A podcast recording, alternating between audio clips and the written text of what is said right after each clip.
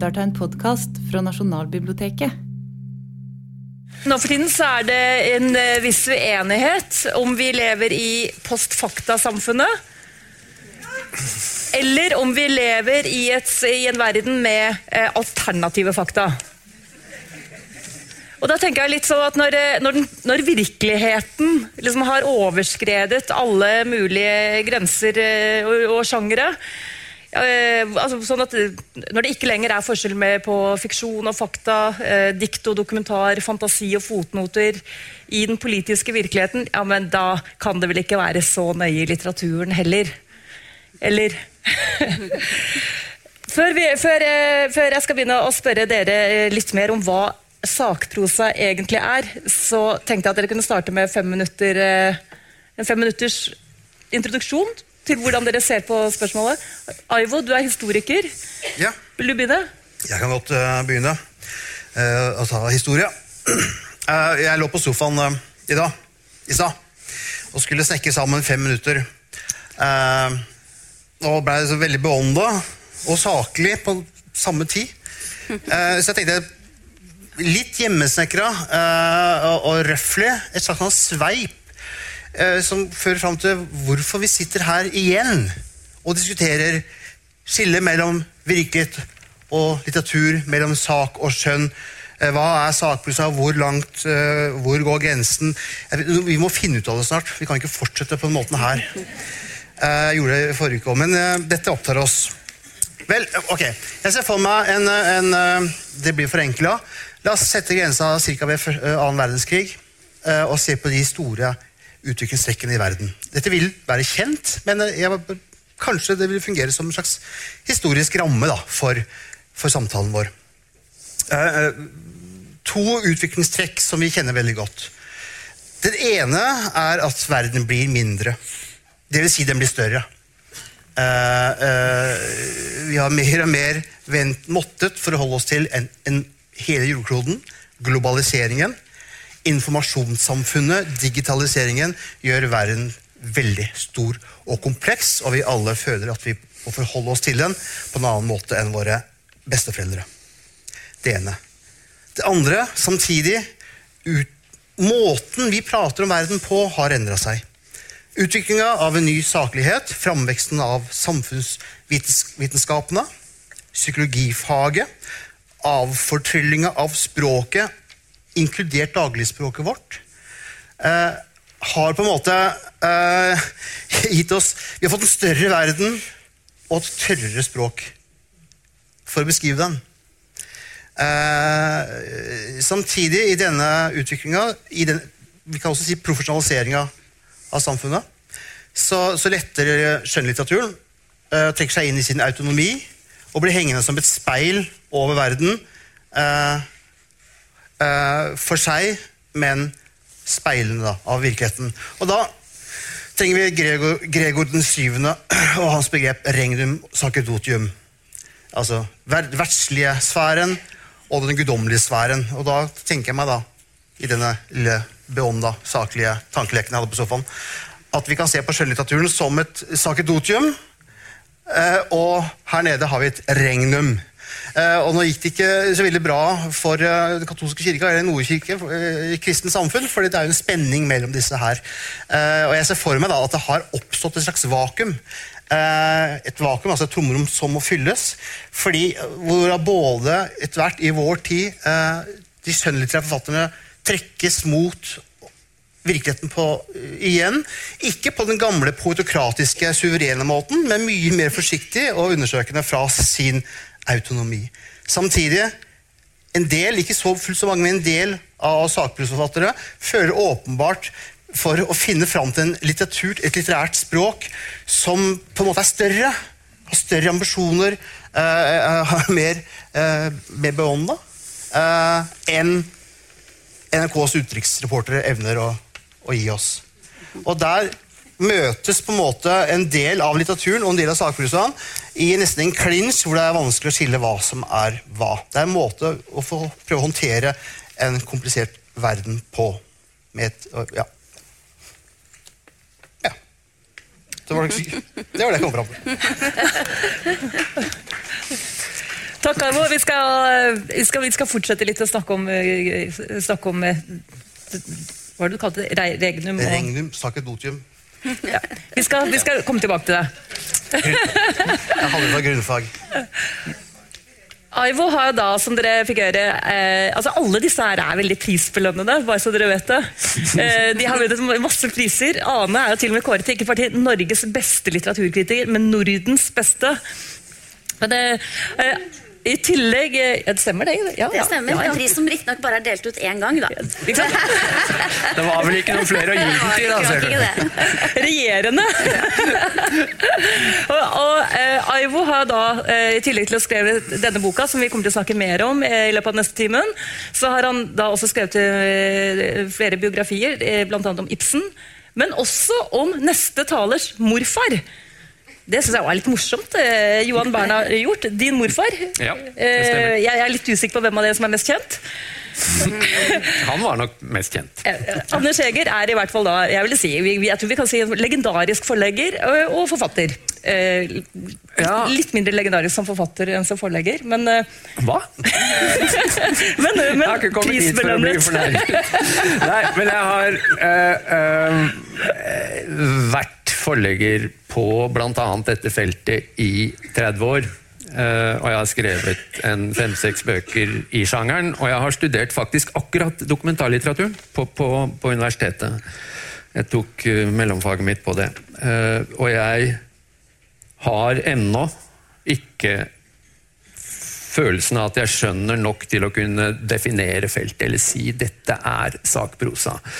Eh, og jo mer jeg arbeider med det, jo vanskeligere blir det.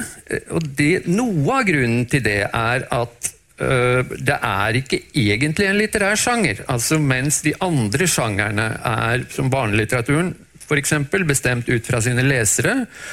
eh, eller som poesi eller drama, definert ut fra sin form, så insisterer vi på at den såkalte uh, saklitteraturen skal være definert ut fra sitt forhold til virkeligheten. Uh, og Det betyr at det da omfatter alt fra en, en bruksanvisning til en, en usedvanlig personlig og poetisk skrevet uh, selvbiografi, f.eks. Det går ikke, feltet blir for stort. Det blir egentlig et annet stikkord for, for litteraturen. Og historisk sett så er sakprosa lik litteratur. Altså vår litteraturs fødsel Jeg, jeg synes jo det er veldig pinglete av en historiker å gå tilbake til den annen verdenskrig. Du må jo, vi, vi må tilbake til, til den skriftlige europeiske litteraturens fødsel, som altså er Platon, Aristoteles og Herodot. Uh, uh, det er saklitteratur alt sammen. Og selv det vi kaller skjønnlitteratur, altså fødselen på det, Odysseen og, og Gilgamesh og, og Iliaden øh, og, og dramaene, de er definert som noe annet kun pga. sin form. De vil jo si at dette er jo, det er jo sant i og for seg, det er bare skildret Det har fått en annen form, derfor gir vi det en annen sjangerbetegnelse. Dette skillet som vi sitter og forholder oss til nå, og sitter og tygger på, det kommer fra opplysningstiden, som gir fødestøtet til to distinkte sjangere. Det ene er romanen, den moderne romanen, definert ved at den ikke er sann. Eh, Og det andre er eh, leksikonet, som altså er definert ved at du tar en type sannheter eller en type utsagn og definerer det ikke ut fra om det er godt, om det er samfunnsoppbyggelig, om det tjener Gud, om kirken mm, liker det, men om det er sant eller ikke. Denne obsessheten med sannhet, den kommer derfra, og den har forfulgt oss opp til våre dager, og den har nå gått oss i blodet i den grad at vi føler oss fornærmet om eh, romanen ikke oppfyller sin forpliktelse til å lyve. Det var det vi så i, i fjor høst. Eh, eh, norske lesere ble til det ytterste fornærmet da det var mulig at dette de fikk i hendene, ikke var en løgn, men kanskje en sannhet. Vi har sett det en gang tidligere, eller vi har sett det egentlig en masse ganger tidligere, det er ikke nytt dette at sjangerbegrepene er, er utvisket og litt småskitne, og, og at man beveger seg inn i dette mellomlandet. Men debattens temperatur har jo vært øh, like høy før under Mykle-saken som en av dens konklusjoner var jo at Mykle ble tvunget til å stå frem og erklære at det som var sant, var løgn, for ellers ville man ikke ta det på alvor. Uh, og Vi var nære ved den situasjonen i, i fjor høst i, i, en debatt som kunne ha gått riktig galt hvis vi ikke hadde hatt så usedvanlig fornuftige litteraturkritikere i dette landet. Uh, uh, hvis man ser på disse skitne mellomformene, så er det to bøker som for meg står ut og synliggjør at det vesentlige er ikke i boken, det er ikke i teksten, det er ikke i formen, det er i hva boken sier at den er. Det ene, må, det ene er Truman Capotes uh, kaldt, med kaldt blod, heter den på norsk. eh, som altså er Hvis du bare tar den opp og begynner å lese den, så vil du være overbevist om at du leser en kriminalroman. Den er skrevet i en kriminalromanspråk, den har kriminallitteraturens klare billedbruk, den har dens oppbygning. Det eneste som skiller den fra en kriminalroman, er at hvert eneste ord er sant og beskriver en virkelighet som lar seg dokumentere, og det faktum at dette står på boken. Det andre, som er like interessant eksempel, er, er øh, Men der kunne man selvfølgelig tatt masse andre. Øh, men, men, det er så veldig lett å gripe til det. Det er, er Knausgårds Min kamp. Øh, alle bindene, men hver på sin måte der det er intet som tilsier i og for seg i språk og form at dette er en roman. Det er sant, det som står der. Det er brukt reelle navn, det er brukt reelle steder. Det skiller seg ikke fra selvbiografien på noen andre måter enn at det står på boken. Den postulerer å være en roman. Dette gjør noe med leserkontrakten. Det gjør noe med vårt forhold til boken. Den, den, altså, den forholdet mellom leseren og boken endrer seg ut fra hva den sier. Uh, og det gjør at f.eks. Uh, Åsne Seierstads uh, 'Bokhandleren i Kabul', eller i og for seg 'To søstre', kan uh, trekkes inn i en spørsmål om dokumentering på en måte som andre bøker, som ikke sier at de er sanne, vil komme i et helt annet forhold til. Dette er det som Det er denne lesekontrakten som gjør det skitne mellomlandet Skitten, da, ikke i negativ betydning, men, men altså det, det, uklare, det, det besmittede mellomlandet, uh, uhyre interessant. En av de mest interessante eksemplene, du må stoppe meg hvis jeg snakker for lenge, fra nyere tid, er, Erlend Los L. Som altså er en, en roman, bevares vel, uh, en lek med Fridtjof Nansens 'På ski over Grønland'. Fridtjof Nansens 'På ski over Grønland' er så litterær i sin form at den, den, den låner og trekker på all skjønnlitteraturens eh, egenskaper. Måten han beskriver iskanten og, og, himmelen og skiturene på, er, de er litterære i sin form. Men leseren vet selvfølgelig at han leser noe som er sant, og har derfor den, den kontrakten med ham. L er jo en roman. Den er skrevet av, av Erlend Lo, og den er i hans lekende form. Skildrer en tulleekspedisjon som en fiksjon. Midt i boken så gjør han noe helt fantastisk. Han reiser på denne tulleekspedisjonen. Han foretar den faktisk, og han dokumenterer den med bilder og billetter og skjemaer. Og vi er altså plutselig da inne i faglitteraturen i en roman. Jeg tror vi stopper der, men jeg har lyst til å komme tilbake til spørsmålet om dokumentering uh, uh, senere. Det som vi har skjer i våre dager altså Jeg begynte med å avvise uh, sjangerbegrepet. jeg tror ikke vi på samme måte kan avvise sannhetskriteriet. Det er ikke litteraturen som trenger det. Det er vi som trenger det som lesere. Vi lever i en tid der sannheten for første gang siden opplysningstiden er tatt ut av eh, som det bærende vesentlighetskriterium i, i samfunnsdebatten. Dette er helt unikt, det vi ser nå. At vesentlige samfunnsaktører, deriblant presidenten i, i de amerikanske stater, sier det er ikke så viktig om det er sant. Det viktige er om dette fungerer. Om det faktisk, altså om det er nyttig. Om, om, om det spiller en rolle. Det hvis vi gir opp dette, så er det ikke litteraturen som eventuelt lider eller gagner, blir gagnet av det. Det er oss som samfunnsmedlemmer, som individer, som, som folk som kan evne å forstå verden rundt seg. Derfor er dette bærende kriterium i, i, i, i, i sakprosaen et enormt viktig eh, kriterium. Ikke av litterære grunner, men av rene menneskelige, eksistensielle grunner. Takk. Eh, vi skal snakke mer om sannhet. Eh, helt til slutt, Ane, skriver, Ane har tidligere eh, utgitt en bok som heter 'Herfra til virkeligheten', om 00-tallets litteratur. og det, det, det var om skjønnlitteratur. Det stemmer. Men nå jobber Ane med en bok som, heter, som kommer til å hete 'Grenseverdier', om sakprosa. Den handler om litterær sakprosa, og spesielt disse tilfellene og grensetilfellene. Men også om reportasje, historieskrivning, memoar, essayistikk.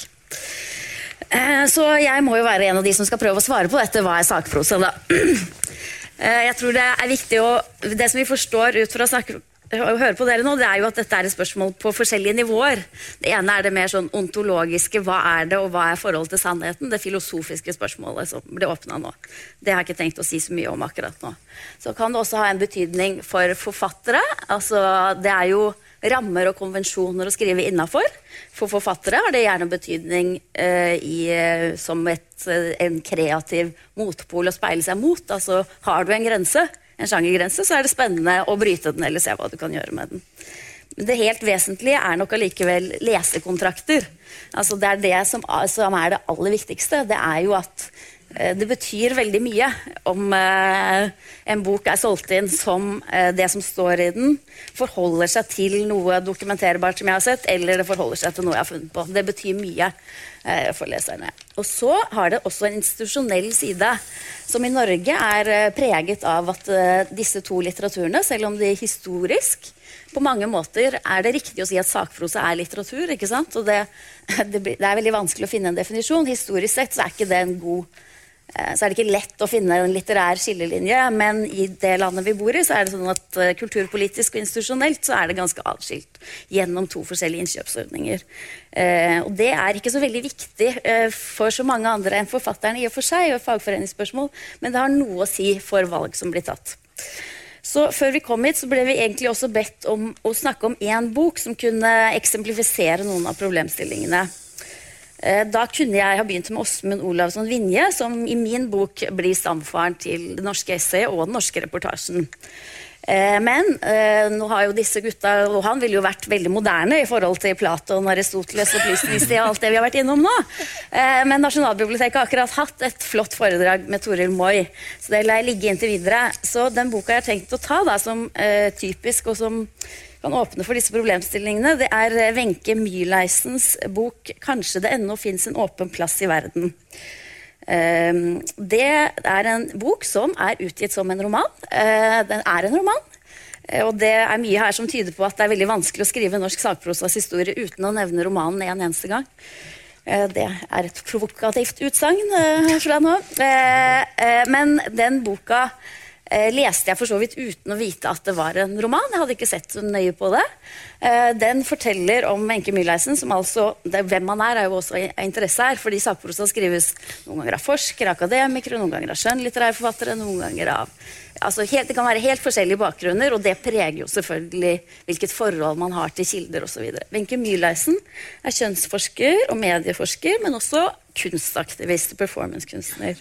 Og hennes roman den handler jo da om jakten på sannheten om en far som var nazist i Østerrike, men som ikke hadde vært åpen om dette.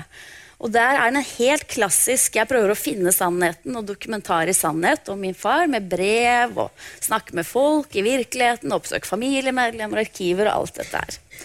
Eh, og på den måten eh, så er boka veldig lik. tenkte jeg, når jeg tenkte på så tenkte jeg, oh ja, Dette er nesten en sånn bok som 'Fars krig' av Bjørn Vestli. Dette er nesten akkurat en sånn bok. Men det er også en bok som eh, skildrer veldig nært eh, hennes refleksjoner om faren, og hva det betyr for hennes liv. Og det er to parallelle historier. Wenche Myhleisens historie om å delta i en venstreradikalt kollektiv, i, også i Østerrike, som het Friedrichshofskollektivet som hadde veldig spesielle ideer om at alle skulle ha sex med hverandre, og hvis man fikk barn, skulle de ikke ha noen foreldre osv. Så, videre. så det er også en ideologi. da. Så hun setter farens historie og sin historie opp mot hverandre. Og mens jeg leste denne boka, så tenkte jeg på den ene sida på Bjørn Vestlis bok, som er en ren sakprosabok, ren dokumentar. Det er ikke noe grenseoppgang der. Men den andre boka jeg tenkte på hele tida, det var Karl Ove Knausgårds eh, historie om sin far. Eh, hvorfor er denne boka også lik Karl Ove Knausgård? Jo, fordi det som er med Myrleisen Man tenker at hun ikke er romanforfatter, men det er likevel en bok som er full av sansede scener. Masse liksom observasjoner av hva som blir sett, av hva, som blir, hva det lukter. Veldig mye om eh, kropper i rommet, veldig mye nært og personlig stoff som man ikke finner i Bjørn Westlis bok, f.eks. Eh, Så jeg tenkte på disse to bøkene, og det er derfor jeg nevner den boka. da. Fordi dette er en bok som er akkurat like lik Bjørn Vestlis Fars krig som den er Knausgårds Min kamp. Eh, og det gir ikke mening å si at den er mer lik den ene enn den andre. Mens Knausgårds Min kamp og Bjørn Vestlis Fars krig de har jo ikke noe til felles. Bortsett fra at de handler om fedre. Verdens største litterære tema. Så eh, hva kan vi trekke ut av dette? Ja, altså Vi kan trekke ut av at det fins sjangere, og at det betyr noe eh, hvilken sjanger man skriver i. Og at en fars historie og ens egen personlige erfaring, for dette vil jo handle om erindring, minner og subjektive opplevelser uansett, kan skildres i vidt ulike former, og det kan gå bra. Alle disse bøkene er veldig gode. Så, sånn sett så vil jeg ikke si at, altså, Mitt poeng er ikke å sette en grense for Wenche uh, Myhleisen og hva hun skal gjøre. Det er helt legitimt at den kalles en roman, for den spiller på begge, begge hester. Men vi kan også lære noe institusjonelt om det, uh, nemlig at i Norge, slik som jeg leser tradisjonen, så er det en veldig lang tradisjon for at personlig stoff det skriver man i en romanform, og ikke i f.eks. en memoarform. Eh, Der memoaren i f.eks. et engelskspråklig område er en høylitterær sjanger som man kan få masse priser for, eh, som er en egen kategori av kritikerprisene. Memoar er egen, non-fiction er egen, biografi er egen. Så er det ikke sånn her. Hvis man har et sånt personlig stoff, eh, som Wenche Myhleisen hos henne er jo også alt sant, altså alt viser til den reelle, så blir det veldig ofte en roman. Linn Ullmanns bok 'De urolige' er et litt lignende eksempel. Det er også en kjempegod roman, men jeg tenker at disse bøkene i en annen kultur, der det fantes en tradisjon for memoar som en høylitterær sjanger, som hadde kritikernes øre, forleggernes pengepung og eh, forfatternes interesse, da, så hadde det vært mulig. Så, så dette er en bok som for meg viser noen typiske ja, trekk da, med hvordan dette eh, forholder seg i det norske landskapet. Det er det jeg har tenkt å si nå. Takk, eh, takk Anne. Det, det er eh, et veldig bra oppspill. fordi siden du sitter her nå, Aivo, så trenger vi jo ikke å snakke bak din rygg. Da kan vi jo bare spørre kan du deg Da kan vi bare spørre Kunne din bok ha vært en roman? Ja, altså Det er jo et veldig interessant spørsmål, selvfølgelig. Og det er jo da, da tar vi med oss de bøkene som Ane har nevnt her nå. Eh, For jeg sitter og tenker på det her som eh, Altså, Aivos bok handler jo da om hans Far. far. Altså, bare For de av dere som ikke, eh, ikke vet det. guilty. Uh, uh, og jeg, jeg, jeg sitter jo her som også sånn, mener mye, sånn som dere gjør. Uh, men jeg sitter, jeg er, først og fremst er jeg forfatter her. Og, og inngangen til dette stoffet blir jo veldig konkret når du gjør det som forfatter. For da, da skal du prøve å skrive boka, og, og da denne lesekontrakten som begge fremhever, som jeg også tenker er helt vesentlig, den har jo jeg også som forfatter. Eh, og det er ikke et veldig stort poeng, bare, det var det som bare rant meg hu mens Ane prata nå. Disse bøkene som ligger så tett opp til hverandre. Eh, noe som kan være viktig, er ja, Det ene er jo at det, man kan tenke seg at visse bøker blir eh, klassifisert som romaner av rent pragmatiske og økonomiske hensyn. Pga. det institusjonelle. Pga. innkjøpsordningene. Ja, det, det, kan- det Altså, kan man det, det, mest berømte eksempelet der er jo uh, Roy Jacobsens Trygve Bratteli-biografi. Som mm. i alle deler er en biografi. Bortsett fra to ting. Det står roman på uh, omslaget. Og den mangler altså referanser og. Ikke sant? Så jeg vil bare føye til det du da sa. Du sa at uh, Min kamp den er uh, en du sa selvbiografi, dokumentar i innhold. Det er romanstempelet som gjør det til en roman. Men det er en liten ting til som kanskje virker litt trivielt. Eh, det er dialogene. da. det tekniske ved å skrive en bok når du sitter med denne, disse kontraktene, internalisert i deg selv, er jo hvordan skal jeg løse det her? På, altså, det å kalle en sånn bok roman kan gi deg lille, den lille friheten du trenger for å forme stoffet, for å, for å kunne, uten å få dårlig samvittighet, skrive inn i en dialog. Uh, uh, mens jeg ga meg ikke lov til det i denne boka her, eksempel. Uh, jeg, alle dialoger og replikker her er henta fra brev og lydbånd osv. Men og jeg har, jeg har, samme redaktør som uh, Demian Mitanza, som kom med, med, sin bok i går, som, er, som, ligger her, og som er relevant for dette temaet her. Og har, jeg, også da, jeg har en skjønnlitterær redaktør, Benedicte Reider, som sitter rett og annet sted baki der. Og, og, og, i samtalene våre, så, uh, siden jeg liker å, å ha en skjønnlitterær redaktør, uh, fordi jeg kan jo saken, hun kan uh, mer om litt litterære så følte jeg meg som en sånn, eh, som en sånn katolsk uh, liten pode som ble frista med, med, med, vin og, og masse fristelser. Som sa nei. Ja, men kan du ikke bare nei, jf. lovene? Inntil jeg selv kom fram til at jeg måtte endre på eh, Jeg måtte bytte om på en reise. Jeg har juksa, jeg har skjøvet på en reise. Og for meg ble dette en helt latterlig kamp uh, som en romanforfatter aldri ville ha ført. Uh, jeg klarte meg fint. Jeg elsker det å flette liksom, uh, Lage replikkvekslinger av brev og sånn. Det syns jeg er strålende. Nei, det viser seg at det, dette er en bok hvor jeg reiser rundt i verden for å finne sannheten om faren min, familien min og meg selv. Det er altså en, indrereise indre reise og en ytrereise. Uh, og Vi liker å tenke at det er en objektiv sannhet der ute, og så er det en subjektiv sannhet. som er mye vanskeligere, som ikke kan dokumenteres på den samme måten. Altså en erkjennelsesreise. Uh, og den ytre reisa viser, den, den, den, harmonerte jo ikke med min indre reise. Jeg sto foran farens, pappas hus på Zanzibar. Hva tenkte jeg da? Jeg tenkte noe, og så tenkte jeg at jeg var sulten. for jeg, det var jeg. En måned etterpå så tenkte jeg jo det jeg ville ha. Så det lar seg ikke, det, det, det går ikke an.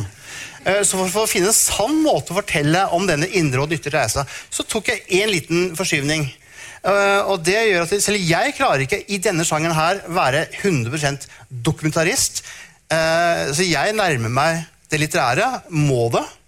Uh, på samme måten som uh, da Knausgård og andre nærmer seg det saklige. Så det, er det jeg mener. Altså, vi, jeg tror på en måte vi mangler et ord som, kan, som, som kan, kan, samle denne, her, denne type litteraturen. Fordi hvis forskjellen er disse teknikalitetene altså Det blir så lite som en rekonstruert dialog. Og jeg vet ikke hva Demian har gjort her, som er det fiksjonsaktige. Uh, det vet man jo aldri, for det står bare roman, men det åpner for alt mulig. Men jeg tenker meg da at det er ganske tekniske og mindre grep, fordi det er jo så viktig at det er en sann historie. Ja, Så det er på en måte så det mangler et ord. Uh, men bare for, bare for, å gjøre det helt klart, Når vi først snakker om teknikaliteter, så mener du at den viktigste forskjellen på din bok og Knausgårds det er når, når Karl Ove Knausgård eh, skriver gjenfortelle en, en samtale han har hatt med kompisen sin for 20 år siden. Så går ikke han og sjekker, sjekker hvordan ordene egentlig falt. Du kan ikke huske dialogene fra, fra den gangen. Uh, men, men romanstempelet gjør det alt ja. mulig. Alt mulig kan være sant og usant i den boka. Ja. tatt, Men den, den framstår for oss som en sann historie. Men når du gjengir dine, dine samtaler de samtalene du fører i din bok? Ja, Favoritten min er jo fra den forrige boken med museet Ingeborg Køber, hvor jeg hadde eh, om spiritistisk medium, hvor jeg fant 15 seanseprotokoller på Slottsarkivet. Eh, I denne spiritistiske familien hvor to barn var døde, og den ene levende dattera var medium. Og de hadde familiesammenkomster gjennom 15 år. Og alle dialogene mellom levende og døde var ført i protokollen, så jeg kunne skrive dialogen mellom levende og døde og sette fotnote til Statsarkivet. Da, da, da har du det bra. Og da var det noen som sa ja, da er det, da var det sånn, ja, men du må jo skrive, du må jo uh, lage roman av det fantastiske stoffet. Nei! Det er mye mye kulere å kunne sette den fotnota der på slutten. Så der har du svaret. Anders, du vil... Ja, nei, altså Det er jo eh, dette som nå sies er egentlig oppsparket til en, den egentlige sjangerdefinisjonen. Fordi jeg leser jo deg sånn nå, Aivo, at du kan ha to bøker som i prinsippet er kliss like. Mm. Eh, fordi at uh, skjønnlitteraturen tar så lange skritt i retning av sannheten. Uh, altså den objektive sannhet utenfor litteraturen, og måten å skildre sannheten på. Og den samme bevegelsen gjøres fra eh, fra dokumentarlitteraturen i retning. Sånn at forskjellen blir i og for seg dokumentasjonen på dette. Hvor, hvor dokumenterbart er det? Mm. Uh, uh, per Øvik Knutsen, som skrev den fantastiske boken om Blekingegadebanden i, i, i Danmark, er noe av det fineste som er laget på dette feltet i, i Skandinavia. Han forteller et sted at han skrev Uh, Han lukket øynene, og det ble mørkt om, om en fyr som ble, som ble drept. Så sa han til seg selv nei, det kan jeg jo ikke dokumentere. Så måtte han stryke det. Der ligger kravet til den dokumenterbare sannheten, hvis du virkelig er, er pietist på dette området. Men det er jo et annet element som vi på en måte hopper av her. Det er at på begge sider av gjerdet, som altså ikke er et gjerde, men en litt sånn uklar strek vi har tegnet i sannheten, som bølgen har kommet og visket ut, og nå vet vi ikke riktig lenger hvor den er. På begge sider av denne streken så finnes det jo en eller annen dragning mot at sannheten er eh, tiltrekkende. Som estetisk element. Altså 'based on a true story'. Det, er, det er noe av det, noe av det mest sånn sexy du kan si om en fortelling. Eh, og det, er jo, det ligger jo der en veldig ubehagelig fristelse for uh, uh, Ibsen for eksempel, hadde jo faktisk en sann historie å gå ut fra da han skrev et ukehjem. Men, men han var ikke interessert i å, å bruke det elementet. Det skulle være sterkt nok uten. I våre dager vil mindre litterater i en helt annen grad eh, dras mot å, å selge inn dette som, et, eh, som, som noe, noe som trekker deg til boka. Altså det, det er jo noe interessant med dette. Det er jo noe med at dette med roman og fiksjon, der ligger det jo også noe. For det, det er mange som fortsatt kjører på det, at roman er lik fiksjon. Men det er det jo ikke nødvendigvis. Altså Romanen definert ved at den ikke er sann, det er, det er jo ikke tilfellet. Eh, at det, står i motsetning til sannheten. Eh, det har det ikke historisk alltid vært heller. Altså, hvis vi tenker på Prost, for eksempel, så brukte han utrolig mye virkelighet og mange virkelige personer omformet. Men eh, det er jo likevel et sosiologisk bilde av det franske overklassen som han levde i. Eh, og i dag så er det jo det vi ser, at det er da så mange romaner som nettopp ønsker å være romaner og ha romanens frihet, men å ha en påstand om sannhet. Edouard Louis er et eksempel på dette. Eh, Det er slik at Hvis eh, hans bøker ikke hadde hatt noe forhold til sannheten, det er det han sier at de har, men han tar seg likevel friheten til å si jeg skriver om ting som har skjedd, men han finner på grep også. Noen av grepene, ikke hendelsene, men noen av grepene er fiktive. Der skjer det noe. Det er jo også interessant at eh, den ene sakprosaforfatteren som har fått en nobelpris i nyere tid, eller som vi tenker på som en sakprosaforfatter, nemlig Aleksejevitsj, kaller sine egne bøker for romaner. Det er en vanske ikke sant? som eh, mange syns er vanskelig å takle, men hun gjør det. Eh, og hun står innenfor en tradisjon eh, for dette som er hviterussisk og russisk. Da. Så det fins jo det er ikke helt nytt heller. altså Det fins eh, litterære tradisjoner for at romaner forholder seg til sannheten på denne måten. Men eh, jeg tror ikke helt igjen da, Knausgård, Det er jo ikke bare det at han skriver sant som er poenget. altså Der er det vel nettopp løftinga ut av den konkrete sannheten. Fortsatt så er det jo ingen som bryr seg noe om hvem denne faren var. Altså Faren til Karl Ove Knausgård, den biografiske læreren, en alkoholisert lærer, er det ingen som bryr seg om. Det er ikke det som er poenget. De får kraft av, av virkeligheten og virkelighetsreferansen.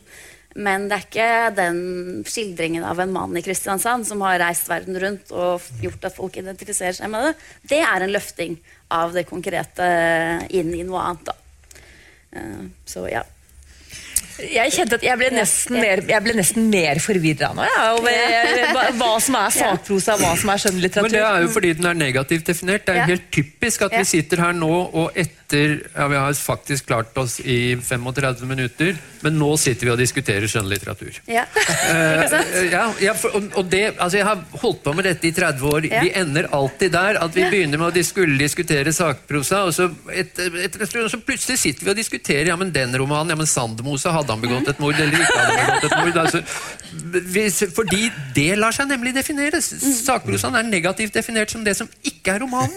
Og det er omvendt av hva det var fram til opplysningstiden. Da, da, da føler jeg meg veldig forplikta her til å si noe positivt. Eh, men jeg tror jo det er riktig, det er ikke tilfeldig. eh, og altså, At romanene har et, et, et seriøst forhold til sannheten, er vel ikke, det er vel så opplagt som det kan få blitt. Og vi må jo holde på å sette blikk øye på proporsjonene her. Eh, romanen er litteraturen, det er den store litteraturen. altså Skjønnlitteraturen er det store litterære feltet. Så har vi sakprosaen, men de aller meste av sakprosaen har ikke noe i denne diskusjonen å gjøre. Eh, den er jo lett å plassere innenfor ulike akademiske sjangere osv. Eh, vi snakker om den, den, den sakprosessen som er litterært ambisiøs, som, som da, hvis man skal stå den sida. Og da vil jeg jo si at det, og det er veldig i og for seg også innenfor romanen det at man velger ja, Innenfor saken så må man, eh, for så vidt, men i romanen så velger man å binde seg til masta på den måten. Det er jo et, et særgrep. altså Det er jo en nisse, på en måte. Eh, hvor du vil ønsker å oppnå litterært sett en effekt av eh, det grepet. Som hvis jeg for eksempel Leser, jeg Solstad, Telemarksboka, Berlinboka, så vil jeg aldri tvile om det er en roman. Det er virkelig, men så, så dukker faren opp i skyene, og du, du, vet du er i et romanlandskap. Leser du andre typer bøker, som, som uh, Vitanza her eller Knausgård, så skaper det en tvil, en fruktbar skapende tvil. Fra min side, da, uh, som jo starter med virkelighetsforpliktelsen og ønsker på en måte å bende grensene, så vil jeg si at det som fascinerer meg kanskje mest, eller som jeg har skjønt fascinerer meg, er å binde seg til et stoff, til virkeligheten. Eh, og det kan jeg si nesten like mye som historiker som forfatter. Eh, det er å, å, ta på alvor det unike, det partikulære. Eh, jeg skaper ikke noe verden, jeg, jeg, binder meg til verden. Og da finner jeg ut mye rart og mange koblinger jeg kanskje ikke ville klart komme på med min fantasi. F.eks. å skrive en bok om Bamble og Goa. Mm. Eller jeg hadde et radiokåseri i jula på P2 hvor jeg begynte å se på meg selv som min oppvekst under feminismen, den tornefulle vei, som jeg slapp utrolig billig unna med. Hvor jeg fant ut at jeg var en liten mannshattende knott som også mislikte kvinner. og, og, og det er sånn Hæ? Er det en kategori? Ja, det er det, for det er jo meg. Og Samme med min familiehistorie. Du søker partikulære, og du finner koblinger og sammenhenger i livet som ville til og med kanskje virka veldig banalt og, og tåpelig i en ren fiksjonssetting. Det er noe av den sakprosaens styrke. Mm. Altså, det er jo, Uten å gå for langt inn i språkfilosofien og spørsmålet om, om hvorvidt språk egentlig kan fange virkeligheten øh, og sånne ting, øh, om det jeg håper si, om det finnes noen virkelighet uten språk, men, øh, altså, men hva altså, jeg, jeg, vet at du har prøvd å svare på det, men jeg vil på en måte stille spørsmål likevel. Hva kan sakprosaen gjøre som skjønnlitteraturen ikke kan gjøre? Går det an å nærme seg spørsmål den veien? Jeg vet ikke hva, spør du meg nå? Ja. Jeg vet jo ikke hva, altså Når vi snakker om disse definisjonene og disse grensene, så snakker vi ikke bare om, om, alle de bøkene som er skrevet. Vi skriver om alle kommende mm. uskrevne bøker. Og det er mye å ta på seg. Så man skal være litt forsiktig med å si hva som kan gjøres og ikke kan gjøres. Eh, jeg, liker, jeg vil jo holde meg med minst mulig, minst mulig, definisjon, så jeg har mest mulig uh, uh, frihet til å utforske. Uh, vel, jeg tror det er kanskje riktigere å snakke om noen særtrekk Uh, og da kan jeg fortsette på dette med det partikulære. Da. Uh, det, og da må jeg ta eksempel i min egen bok, for det er den jeg husker best nå. Det at Jeg vil skrive om disse forbindelsene i verden, uh, men jeg vil trekke inn Og da har jeg før jeg kan godt ta noe med, sammenligna med, med, arv og miljø. Hvor, hvor Hjort skriver, har en bihistorie hvor hun skriver om Balkankrigen. En diskusjon om krigen som der ikke betyr så mye som den krigen. Det er mer et symbol som speiler den konflikten i den lille familien. Hvis jeg skriver om Mao-Mao-krigen i Kenya og jeg skriver om imperiene, og jeg forplikter meg til disse Jeg, jeg skriver faktisk om disse krigene, om disse stedene. Og det, eh, det, det nå skal jeg, skal jeg jekke meg ned. Jeg skal si at Dette er et forsøk på å vise hva eh, en litterær sakprosa kan gjøre være. Ved å, å, prøve å skrive det fra det innerste følelsesregisteret som er hos meg selv, og til de store verdensbegivenhetene, og se om det er sammenhenger. Jeg kan trekke fram Ian Buruma år null, også et, et, godt eksempel på en bok som favner enormt vidt, og trekker inn sammenhenger som som jeg tror ikke jeg skal ikke si det er umulig, men som veldig fort vil, ofte vil falle ut av romanens uh, interessefelt. Mm. Ja, jeg er litt enig i dette med at vi snakker både om bøker som er skrevet, men også om de vi tenker skal skrives. For det er nettopp noe her med hva sakprosaforfattere, hva slags friheter og muligheter de også kanskje bør ta seg, når man ser hvordan da romanen er litt imperialistisk da, på sakens vegne for tida, og sannhetens vegne. Eh, som vi nevnte, så kom jo da Demian Vitanza denne uka med romanen 'Dette livet eller neste', som er en sann roman som er basert på eh, samtaler med en eh, norsk-pakistaner som har vært eh, fremmedkriger i Syria. Og her er hele premisset at dette er sant, og at han virkelig har snakket med fyren. Etter mitt syn så kunne er, Jeg syns boka er veldig vellykket, selv om den kaller seg en roman og har masse sånne Den er vellykket selv om den kaller seg en roman. Ja, jo, men den er veldig prinsipielt uh, betenkelig, da. Fordi at uh, det handler om um, en virkelig person som har vært oppi noe som er faktisk veldig alvorlig, og så virker det uforpliktende da å kalle det en roman. Prinsipielt så virker det uforpliktende i forhold til sannheten. I praksis syns jeg at Demian Vitanza har laget en veldig god bok, der uh, mye av det metodiske og refleksjonene om sannhet og virkelighet er lagt i munnen på hovedpersonen, originalt nok, som er et romangrep. Men til spørsmålet om hva uh, sakprosaen kan gjøre som skjønnlitteraturen ikke kan, så mener jeg jo f.eks. at når Morten Strøksnes reiser til Kongo og intervjuer de to norske som sitter i fengsel anklaget for mordet i Kongo, så er det for meg en fordel at det er en sakprosabok. Jeg tror ikke den boka eh, vil, og mer også målet Joshua French ville vært noe bedre av å være en roman. Tvert imot. Det er en fordel for meg at Morten Strøksnes har forplikta seg til å snakke med de på ordentlig, til å reise i det virkelige Kongo. For meg er det det virkelige Kongo som er gevinsten ved, ved den boka. Eh, så, så, hvis du oppdager at Morten Strøkses, det, var, det var for farlig å reise dit, så han leste litt i en reiseguide Så blir jo det litt dårligere, men det er jo helt vanlig å bruke mm. litteratur også i denne typen dokumentarisk litteratur. Ikke minst Morten Strøksnes. Altså, nå antyder det ikke jeg at dette har skjedd. Altså, Havboka jo nesten, handler nesten bare om en mann eh, som leser bøker om havet og reiser på fisketur med sin kompis. Eh, det er spennende likevel, men altså, litteratur er det den boka i all hovedsak består av. Eh, men eh, den, den, boka til Strøksnes fra Kongo gjør jo ikke det. Eh, og der syns jeg det er nettopp det partikulære som er, som er fordelen. Da. Nå viser jo det med Avitanza at du kan få noe partikulært ut av å kalle det en roman. Men det jeg vil si når det gjelder fremtidens bøker, er sakprosaforfattere. Ikke la de romanforfatterne få alt det gøye og få all friheten og få alle de eksperimentene. Det skjer mye spennende der for tida. ikke sant? Eh, det er jo sprøtt at Dag Solstad på over 70 år er den som utfordrer eh, sjangergrensene med Telemark-romanen. Så jeg ville jo heller sett på det som en utfordring, da. At, uh, Ikke se på meg jeg gjør det jeg kan. Jeg, jeg vet du gjør det du kan. Uh, men, jeg, men dette, dette, mener jeg er en god bok, da, som forsvarer seg. Men det hadde vært like gøy om man hadde klart å skrive noe som var godt fortalt spennende med denne fyren, og kalt det noe annet. Jeg mener denne boka kunne vært kalt fortelling, memoar, beretning. Det må, måtte ikke vært en roman. Jeg må bare spørre ja. Anders, eh, som, eh, som da eh, redaktør for eh, sakprosa i, i Nå skulle jeg si årevis. Ja, jeg må Har du ikke liksom noen ganger vært liksom fristet til å si til forfatteren Men du, det blir bedre hvis du liksom skrur det sammen sånn? Selv om det ikke helt var sånn. Så hvis du bare later som at det var ett møte Nei, for der, der, der, nei der, jeg mener det er der du, du, du Jeg syns vi er altfor passive på, på, på sakprosaens uh, vegne her. Altså for det første, dette at formene nærmer seg hverandre, det er, noe, det er jo ikke noe nytt i det hele tatt. Det er jo ikke noe rart at, at, at, at en gammel mann som Solstad som gjør det. altså Moby Dick blander jo annethvert kapittel med fra den ene og den andre sjangeren. Går aldeles strålende, det. Og da var romanen så å si knapt nok funnet på. Uh, uh, det er klart, det ligger en veldig ufrihet i det å skulle holde seg til sannheten.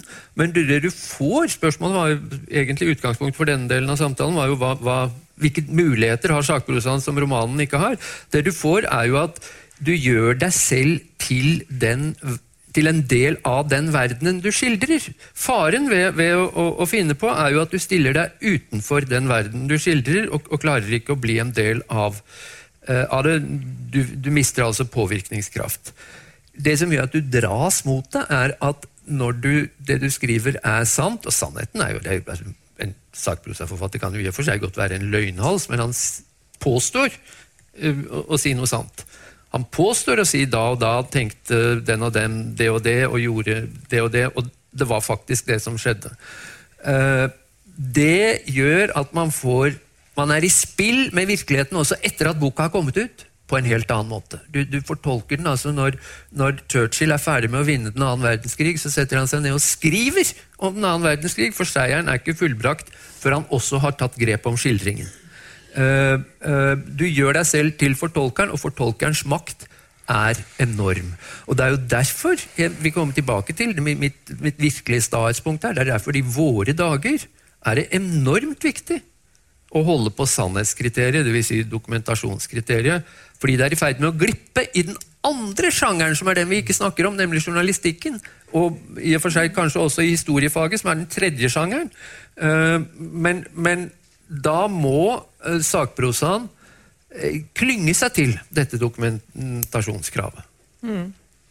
Ja, jeg er jo på ingen måte uenig i at sannhetskravet er viktig, og viktigere enn noensinne. Uh, og jeg tror bare det er viktig å ikke tenke på sak og skjønn som to containere hvor du lemper bøker opp i den ene og så i den andre, uh, men som et prinsipp uh, som bunner først og fremst i lesekontrakten, som man som forfatter i prinsippet, i prinsippet kan velge å forholde seg til eller ikke. Altså Man kan bryte det, og det er vanskelig. Altså, det, altså, Idet du bryter disse lesekontraktene eller tøyer dem, så må, bør du ha en hensikt med det. Og den hensikten må være skapende på et vis. Eh, og det er jo det som er vanskelig. Eh, hvis det framstår som en fiks idé, ja, da kan du provosere publikummet. Og de kan med rette bli provosert. Eh, for det, var det jeg prøvde å innlede med. Vi er litt desperate her i denne verden. Vi søker, vi vil gjerne forstå den. Og hvis vi føler oss nytt, så kan det føles eh, provoserende. Eh, men det bør også kunne føles eh, oppvåknende og utvidende. Uh, hvis uh, vi bok, Jeg har fått skrålese den, så jeg skal ikke gå for dypt inn i men kontrakten er egentlig ganske interessant og, og lett å, å gripe.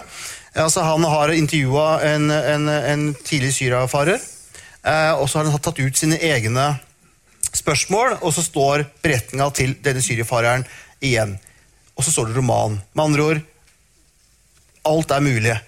Men den tyder på å være en bok som binder seg til sannheten på den måten vi har prata om. Og det er nesten så Jeg begynner å miste interessen for om vi skal kalle det det ene eller andre. Had, han skriver i etterordet at her er det minner om at det er innslag av fiksjonalitet både på den intervjuas vegne og på forfatterens. Og, og, da begynner, da, og Hadde han kalt dette litterær sakprosa, som han nesten like, ja, like gjerne kunne gjort, da ville det stått som en upålitelig en sakprosabok med en upålitelig forteller, som forteller sin versjon av en Syria-ferd, som er uhyre bra og utrolig lærerikt å lese om. og litterært sett veldig bra. Og så står det litt u, med uklart for meg hva det, det, det romangrepet han har måtte påberopt seg for å, å, å, hva, hva, det består i. Fordi det er så åpenbart viktig at boka knytter seg til virkeligheten. Mm. Så jeg ville kanskje fore, foretrukket om han kalte det litterær sakprosa. Uh, og kanskje, kanskje, det er bare en spekulasjon, at noe av grunnen til at den heter roman, er det generelle, bare rett og slett fri det fra virkeligheten. Kanskje det er noen små grep, tekniske grep, de vet jo ikke jeg noe om, Eh, men, men, hadde det vært litterær sakprosa, så, så, ville det vært eh, den første sakprosaboka jeg vet om med en upålitelig forteller. Mm.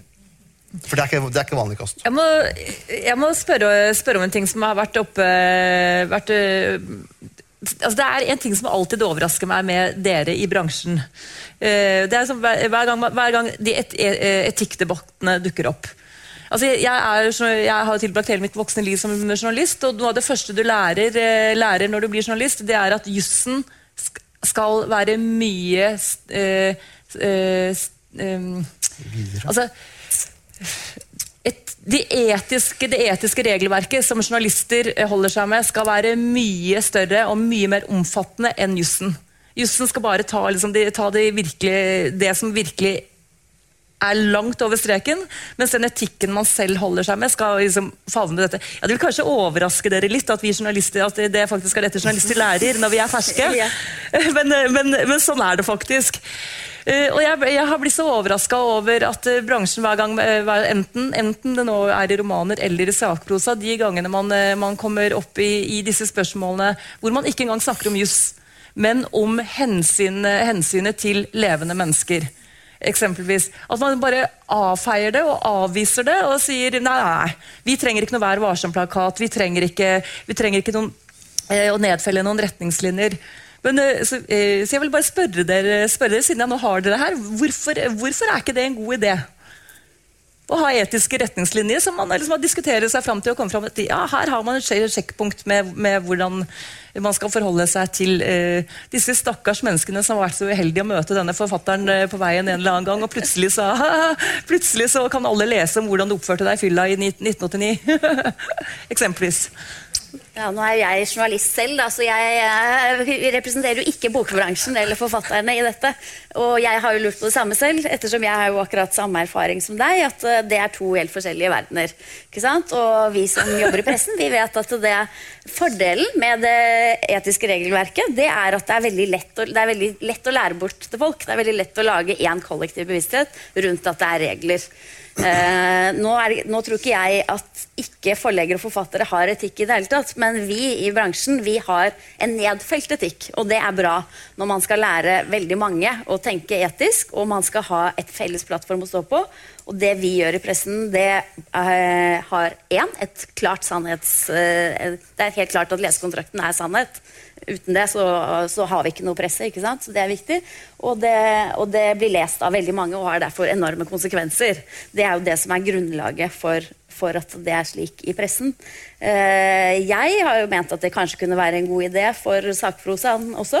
I hvert fall, Men sakprosa er jo så mangt. Men den sakprosaen som ligger nær på journalistikken, da, det lurer man jo på som journalist. Hvorfor er det sånn at å ja, hvis det står i A-magasinet, så er det presseetikk, men hvis det står i en bok ut i det Anders, så er det ikke. Det skjønner jeg ikke. Så når det gjelder den journalistiske, de journalistiske bøkene, da, det er bare en liten del av sakprosaen, så, så er det vanskelig å forstå forskjellen. Men forleggerne Som, får svare som for forlegger, dette. eh, Ja, jeg kan godt svare på det, Ja. men det tar tre kvarter. Det er et Ja. foredrag jeg har.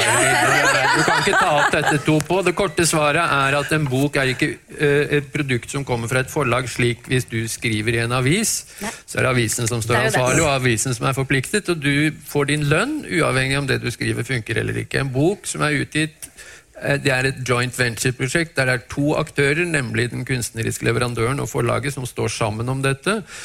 Eh, hvem som skal forplikte seg til denne avtalen, det burde selvfølgelig vært forfatterne. Eh, forlaget er primært kanalen, ikke overhodet å sammenligne med et ansettelsesforhold. Dette er egentlig en teknikalitet som er lite interessant i denne debatten. Punkt to, vanskeligheten dukker selvfølgelig opp ikke rundt dette, men, men rundt eh, eh, altså, eh, faren til Knausgård, f.eks. Um, og kreve at Knausgård som kunstner skal for, I forhold til dokumentarlitteraturen er disse problemene rimelig små. Rett og slett fordi dokumentarlitteraturen forholder seg til nettopp den samme måten å tenke på som, som uh, journalistikken. Problemene oppstår rundt nøkkelromanene. Eh, Jeg mener at dette er et større problem eh, i skjønnlitteraturen enn i sakprosa. mye større, selvfølgelig. For, nettopp fordi at de kan tas på det partikulære. Du kan, hvis du skriver, hvis du skriver i en Men rent juridisk så har skjønnlitteraturen en mye større beskyttelse. Ja, selvfølgelig. Du kan Ja, ja, ikke tas, ja, ja. men etiske problemene Ja, er jo de mm. vi tar. Eh, juridisk Jeg kommer ikke på en rettssak rundt eh, Juridisk en, har vi jo eh, jussen. Så det, kommer du på rettssaker? Den rettssak Kleiva. Er Kleiva. Uhyre interessant, men tapte så det sang. Og Det det er mange på som har vært mener. Nei, på De rettssakene man husker er jo rundt romaner. Sakprosa er- bokhandleren, selvfølgelig. Ja, bokhandleren, ja. Ja, det er det. Uh, nei, vi har vel andre òg, men da må du lenger tilbake i tid. Ja. Uh, jo da, du har det. Uh, Märthas engler, for eksempel. Husker du den? Det Det var coveret. Ja, det er en rettssak. ut. Altså, ikke nei, ikke den ordentlige. Nei, en som var skrevet om oh. Märthas engler. Ja, den fikk jeg ikke med meg. Ja. Tulle, Ja, Det var jo publikum. Ja. Um, og det er ikke lenge mange år siden. Men, men, det, men, det, men det jeg lurer på, det er jo som, eh, bare sånn for å få litt ro i rekkene når, vi- når, for nå snakker vi om sakprosaen, liksom noen sånne egentlig ting som sånn faste regler. Sitatsjekk eller gjennomlesning. Alle berørte, alle levende parter skal få, partiet, få eh, omtalen av seg til gjennomlesning, på, gjennomlesning. Ikke nødvendigvis for at man skal ha retten til Ja, å men Nå forholder du deg til journalistikk, og da er det veldig greit fordi det er et ansettelsesforhold, så redaktøren kan si hvis ikke du gjør det sånn og sånn, så mister du jobben. Det er ikke sånn når man skriver en bok. Men ærlig talt, jeg men syns sjangermessig at dette er ganske uinteressant. Fordi at eh, forfatteren må selvfølgelig ha en viss kunstnerisk frihet. Og det er ikke, som du sier, det er jo ikke et problem der. Problemet oppstår jo rundt uh, søstrene til Vigdis Hjorth. Ikke sant? Det er, eller faren til Knausgård. Problemet har vel oppstått er- i forbindelse med moren til Anders Behring Breivik også, som er en dokumentarbok. Ja. Der har det jo Det er riktig, men da må du eventuelt hvile deg på jussen. Eh, og eh, ja, altså, boka til faren til Anders Behring Breivik er da heller ikke noe enkel bok, syns jeg.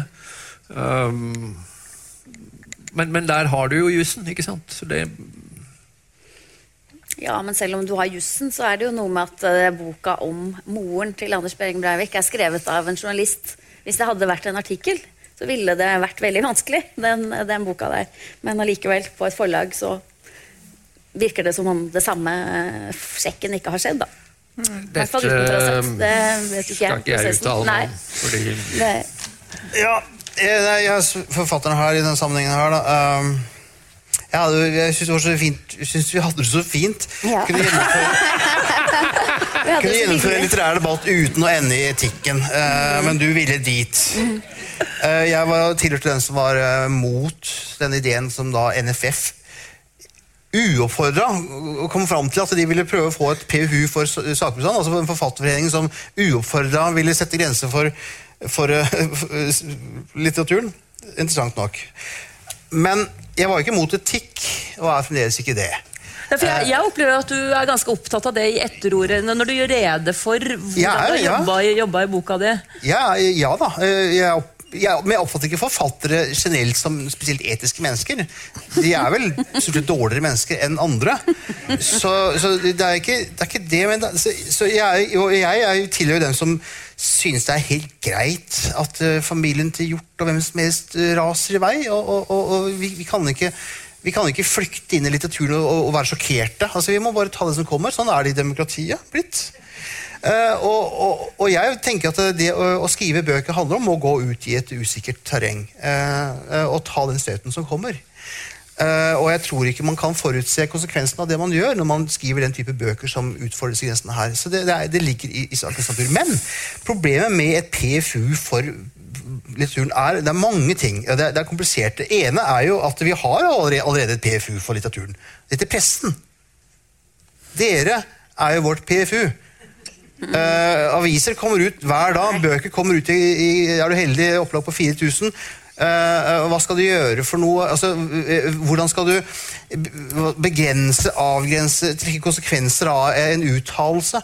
Og hvem altså, PFU er jo basert på at man skal- dømmes av sine likemenn. Hvem er våre likemenn? Hvem skal vurdere eh, mine bøker etisk? Eh, etikkprofessor fra Blindern? Gud forby! Eh, mine forfatterkolleger de vil jo ikke møte opp der.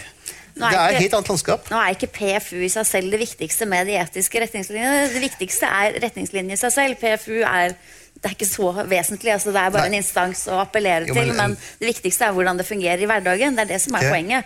At det er normsettende i hverdagen, og at alle som jobber i pressen, vet at det virker hver eneste dag. For det er masse som ikke kommer på trykk fordi at det er for belastende, eller personen er uh, i en situasjon der ikke vedkommende er i stand til å ta ansvar for sine ytringer. Uh, så, Men et råd Ja. da viser menn og kvinner som, som, som da skal komme en, en, en, en vurdering som offentliggjøres som denne boken, den, eh, Nei, ja, den var ikke bra. egentlig, altså, det var ikke egentlig en PFU-debatt, men den var på en måte Vær varsom. Ja, eller- altså, type med ja. altså retningslinjer for sånn eh, eh, hvordan, hvordan behandler man kilder? Man, altså det å gjøre rede for metode ja. ikke sant? Jeg tenker, Ville ikke dette være, være en styrke? Ja, At det var, var liksom noen klare, klare regler for hvordan man opererer med dette? Hvordan man redegjør, redegjør for det? Jo, de finnes jo da, i og for seg, både på alle bauerkanter. Forskningsetisk eh, og journalistisk så er det sånne regler som er operative, Jo, jo, og de finnes i arkiverkene arkivverkene Ja, ja. Uh, overalt. Så det er ikke sånn at vi mangler på regler. Det er jo mer om, og, og de få, de ytterst få tilfellene må huske på, hvor bøker provoserer fram den type sakprosabøker provoserer fram den type reaksjoner. Det er spørsmål om hvor styrende skal være, og om ikke en oppegående offentlig debatt er det som til syvende og sist er det som skal til. Eller, Altså, eller er- om man har rappa stoff av andre. Først si, det Den er juridisk, den er det er jo Det ble gjort et forsøk i Forleggerforeningen. Jeg var med på dette, og det ble, ble stoppet av enkelte andre forlag nå i, i høst. Men det, eh, det er ikke noe det, Jeg kan godt forstå dette her, men man Pressen, og ganske særlig Løken Stavrum for to år siden, eh, fremstilte jo dette fullstendig snudd på hodet eh, ved at problemene finnes i dokumentarlitteraturen. Nei, hovedproblemene finnes i pressen. Hovedproblemene av overgrep mot folks eh, personlige integritet, eh, eh, plagiattilfeller og, og uetisk oppførsel er mangedobbelt i pressen i forhold til dokumentarlitteraturen. Det finnes selvfølgelig i, i, i dokumentarlitteratur òg, men i en langt, langt mindre grad enn det vi ser i både den institusjonaliserte eh, hovedpressen og, og i, i pressens mer lurvete utkanter, som Nettavisen og Se og Hør. Eh, Men eh, det er punkt én. Punkt to. De vanskelige tilfellene finnes jo så å si Det er klart Du kan finne tilfeller som moren til Anders Behring Breivik. Du kan også med veldig lang avstand finne noen plagiater. Jeg kommer ikke på noen nå. Eh, Men hovedproblemene av det som kommer på de store forlagene, det er i skjønnlitteraturen. Og skjønnlitteraturen kan vi dessverre ikke få regulert. Eller gudskjelov. Eller eh, Ja, på denne måten. Altså, det det, er det skal vi bare være glad for, selvfølgelig, men, men der finnes det jo et kjempestore etiske utfordringer. Så å si hver gang man trekker virkeligheten inn. Er som vi bare hoppet bukk over i tilfelle Knausgård ved å si at en bok er så god at la oss ikke diskutere hvor vanskelig det er å ha truffet denne mannen en gang i livet. Ja, ja, nei, altså, eh, eh, Arv og miljø og moren er jo to eksempler på to bøker som har blitt behandla ekstremt grundig i, i, i bokverdenens PFU, altså i pressen. Altså, den er jo blitt behandla og, og dømt og, og, altså, på alle måter. Eh, jeg tror ikke altså, Den er jo faktisk debattert, og hva mer hva mer kan man gjøre? Altså, Ha et regelverk uten sanksjonskraft. Det er den fungerende litterære offentligheten som er som jeg kan se, den eneste løsningen ja, på de. Eller man kunne sett for seg at hvis man hadde hatt ting litt mer på stell i forkant, så kunne noen av disse tingene vært unngått. da. Eh, kanskje. Uansett. Vi blir ikke enige i kveld heller om, om dette. Eh, eh, jeg lurer litt på, for jeg, har hørt litt på noen av de tingene du har sagt her, Anne, og leste, leste Tore Slåtta sa i, i Morgenbladet i august i fjor at mange sakprosaforfattere fortjener anerkjennelse på lik linje med skjønnlitterære forfattere. Og, så jeg, og det var noen ting du sa i sted også som gjorde at jeg som satte til det virker litt som om Dere snakker som om sakprosaen har et mindreverdighetskompleks. Eh, og sånn var det Da jeg begynte å jobbe i pressen, så var, når man snakket om litteratur Jeg jobber med litteratur, da jobbet man med skjønnlitteratur. Og så skjønte jeg liksom, eh, sakte, men sikkert da, som, eh, som journalist at men det er sakprosaen. Det er det er der de virkelig bestselgerne ligger. Eh, det er der, der, her skjer det jo masse her skjer det jo masse interessante ting. Her er det jo liksom nyskaping. Og, eh, og men er det, er ikke det altså er det ikke er, er ikke egentlig skjønnlitteraturen under større press i dag enn sakprosaen? Altså jeg, jeg opplever at det har skjedd noe, at det har sånn skjedd en slags uh, endring i verdihierarkiene her ja, de siste 20 årene? Det har absolutt skjedd en endring når det gjelder offentligheten rundt sakprosa og sakprosas litterære kvaliteter. Det er det ikke noe tvil om. Kritikere er mye mer interessert i det, mediene er mye mer interessert i. Det skrives mye mer om, om det generelt, både om bøkene og om deres litterære sider. Da, at man erkjenner at det også er en form for litteratur. Så der har det skjedd noe. Men hvem som er under mest press? Jeg tror ikke altså, Forfattere i Norge og bøker i Norge får, får veldig mye oppmerksomhet. Dette er et land der eh, mange aviser har egne bokseksjoner, og der forfatterintervjuer er en big deal. Det er ikke noe selvfølge, det, altså. Eh, så av, ting som får mye oppmerksomhet eh, i verden, så er faktisk bøker har en stor en stor andel av den offentlige samtalen. Veldig stor. Eh, Men det er jo dette her, akkurat når det gjelder innkjøpsordningen, så er det jo sånn at jeg vil ikke gå inn i noe fagforeningspolitikk der, men det er vel sånn at vi må huske på at innkjøpsordningen den ble skapt på 1960-tallet. Og da var det bare skjønnlitteraturen man hadde i tankene. Det var der, men Den ble skapt for å styrke det norske språket. Eh, Innkjøpsordningen er språkpolitikk. Det er det norske språket som skal styrkes gjennom litteraturen, gjennom at forfattere skal skrive god litteratur. Og det var ikke noe tanke da om sakprosaen. Hvis den hadde blitt lagd i dag, så tenker jeg den sikkert hadde hatt en annen utforming. Eh, og det kan jo hende at vi kommer dit kulturpolitisk at den må omformes for å ta inn over seg det. Ja, altså Hvis ditt uh, utsagn hadde kommet for ti år siden, så ville jeg ha skjønt hva du mente. Men uh, for det som skjedde, er jo at det ene er dette med innkjøpsordningen. Helt eh, Annes oppsummering er, er 100% riktig. Det er staten ser som etter den annen verdenskrig og sier vi, vi, Skjønnlitteraturen er i ferd med å få Vi kjøper en skjønnlitteratur. Hva koster det? Jo, så, så setter de i gang dette, og så får de Og de får det, fordi det virker jo så, etter, så det suser etter hensikten. Det andre grunnen er litteraturhistorisk. Norge er som et av de meget få land i verden, det moderne Norge, tuftet på skjønnlitteratur. Altså, dikternes rolle i skapingen av det moderne Norge kan ikke undervurderes, og det er skjønnlitterære forfattere. Uh, dette gjør, gjør, at det å være forfatter opp til eh, ja langt opp på 90-tallet var Å, er du forfatter? Nei, men så flott, så beundringsverdig. Hva skriver du? Jo, jeg skriver historiske samtidsbøker. Å ja, ok, som forfatter, ja. uh, uh, men uh, så kom det jo som skutt ut av en kanon opp gjennom 90-tallet og 00-tallet og, og på 10-tallet, sånn at nå for tiden er en altså Den norske sakprosaen er jo like sterk. Og så har skjønnlitteraturen de siste eh, ti årene, kanskje, tatt grusomt tilbake. sånn at nå har vi to sterke sjangere i Norge som vekker internasjonal oppsikt. Altså Da jeg begynte dette, gikk kom jeg på bokmessa i Frankfurt, og de sa ja, du kan stille deg i køen bak Bulgaria.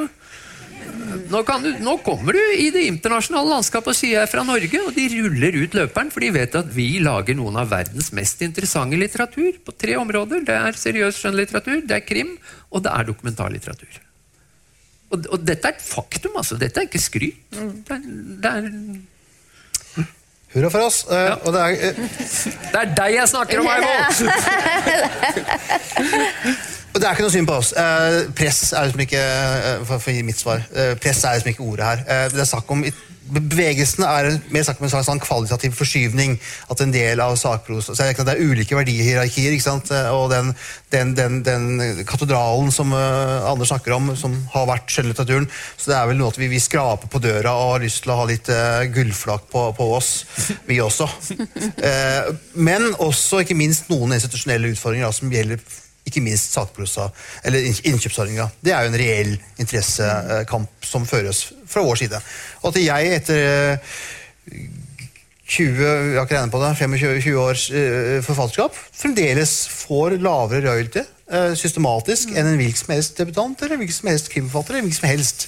Mm. Og, det, det, og, det, er jo ikke så synd på meg, jeg klarer meg greit, men det er kanskje synd på debutantene, rekrutteringa mm. og, og, og, foredlinga av, av, av, av, den litteraturen. Så det er noe som uh, bør og vil jevnes ut. Mm. Ok, Da skal jeg prøve å oppsummere. Uh, okay. En, sakprosa er den opprinnelige litteraturen. Alt annet er etterligninger. Eller leksikon. Ok? Ja. Det viktigste er ikke hva som står i boka, men hva den sier at den er. Det som, liksom. Ja. Kolofonsiden er den definerende siden.